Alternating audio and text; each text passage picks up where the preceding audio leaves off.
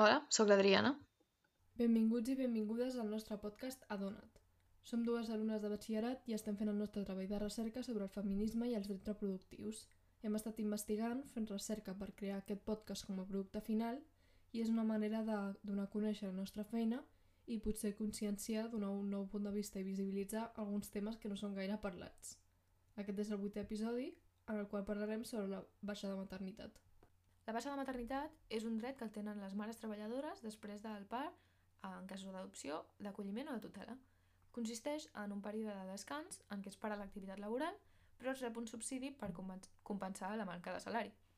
I el fet de tenir un fill o una filla implica canvis importants en la vida d'una persona i una de les àrees que es veu afectada és l'àmbit laboral. Per tant, per això existeix una baixa de maternitat. Actualment, a l'estat espanyol, el permís de maternitat és de 16 setmanes, entrat en vigor l'abril de 2019 amb, el, amb la llei 6-2019. Hi ha un debat de, respecte a l'ampliació del permís de maternitat i és un debat que s'ha contemplat en més d'una ocasió. De fet, s'està contemplant el fet d'ampliar la baixa Espanya. Concretament, Ione Belarra, ministra de Drets Socials i Agenda 2030 d'Espanya, comentava la possibilitat d'ampliar-la fins als 6 mesos – que serien 24 setmanes.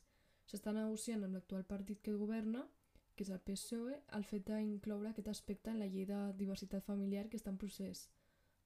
A més de proposar els 6 mesos per la baixa de maternitat, també es proposava per la de paternitat.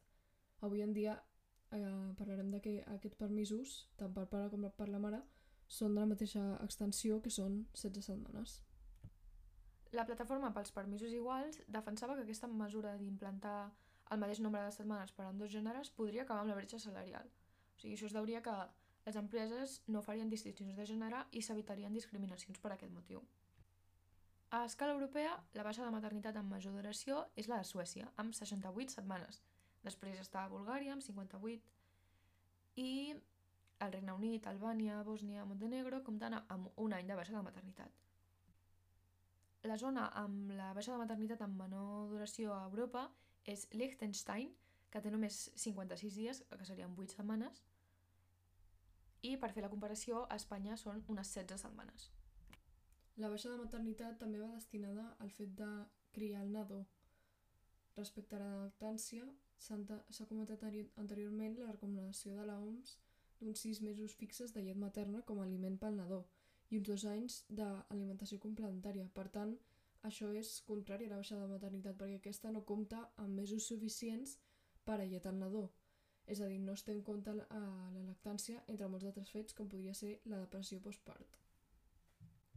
Però parlarem de què existeix el permís de lactància que posteriorment explicarem.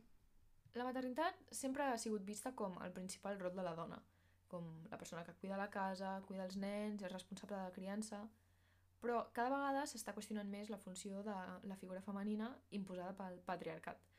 A més, s'ha de tenir en compte el que implica que una dona es quedi embarassada abans i ara. O sigui, ara, avui en dia, comporta dificultats en el món laboral relacionats amb la baixa de maternitat, evidentment, i també cal sumar-li el fet que existeix la bretxa salarial que implica encara més desigualtat en la feina.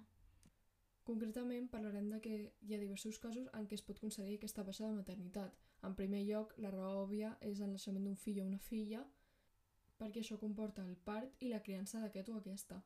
En segon lloc trobarem l'adopció o acolliment familiar, és a dir, això també es veurà inclòs en un període de 16 setmanes. Per tant, només en cas que el fill sigui menor de 6 anys o sigui menor de 18 anys, però tingui alguna discapacitat, es podrà dur a terme aquesta baixa de maternitat. A més, hi ha diversos requisits que els progenitors han de tenir per tal de rebre la baixa de maternitat o paternitat. En primer lloc, s'ha d'estar afiliat i donat d'alta en la Seguretat Social i s'ha de tenir cobert un període mínim de cotització que dependrà dels factors com l'edat del treballador en la data del part, la, de la de decisió administrativa o judicial de l'acolliment, etc. En cas de no complir la mare amb els requisits, pot arreglar-se a la maternitat no contributiva.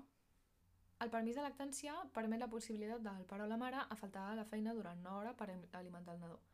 Això està molt relacionat amb el nostre episodi anterior, el, que anava sobre la lactància, així que si no l'heu escoltat podeu anar. Bé, el, el permís de lactància s'aplica a dos progenitors perquè pot ser lactància natural o artificial i té una duració d'una hora en els primers 9 mesos de vida del nadó per cada jornada. Depenent de l'empresa, es podrà o no acumular el permís de lactància a la baixa maternal.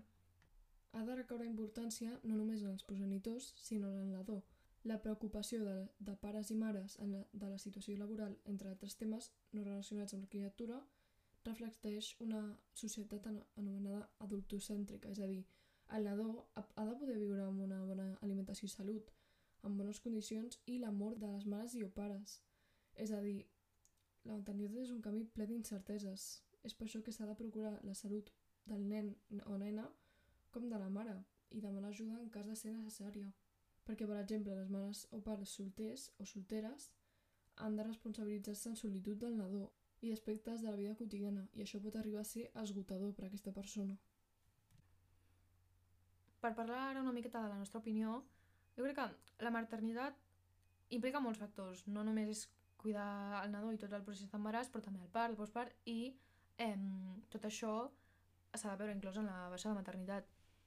Eh, és, és, jo crec que l'àmbit laboral pot ser com una, una font de preocupació perquè, clar, es necessiten aquests ingressos per mantenir una vida estable perquè tenir un fill o una filla no és gratis i no és barat i, i els pares s'han d'assegurar de poder rebre una remuneració per la baixa de maternitat.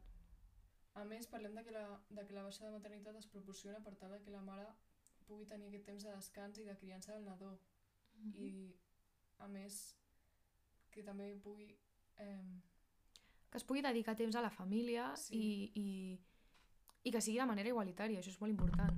A més, ho hem de mirar ho hem d'enfocar des d'una mirada igualitària, és a dir, les condicions de les condicions han de ser iguals tant pel pare com per la mare i la criança d'aquests la criança no només ha de ser feina de la mare sinó dels dos progenitors. També és en cas part... que hi hagi dos progenitors. Clar. També s'ha de tenir en compte la baixa de paternitat tot i que no l'estiguem comentant que també mm -hmm. existeix. Per tant el pare també té aquest permís per prendre's un descans i dedicar-li temps a l'ado Bé, doncs, aquest és l'últim episodi de, del podcast. Uh, esperem que us hagi agradat que hagueu après uh, coses i nosaltres ens, ens ho hem passat molt bé realment fent aquest projecte. Eh, ens ha costat molt, hem treballat molt, però eh, ho hem aconseguit i res, doncs esperem que, que us hagi agradat.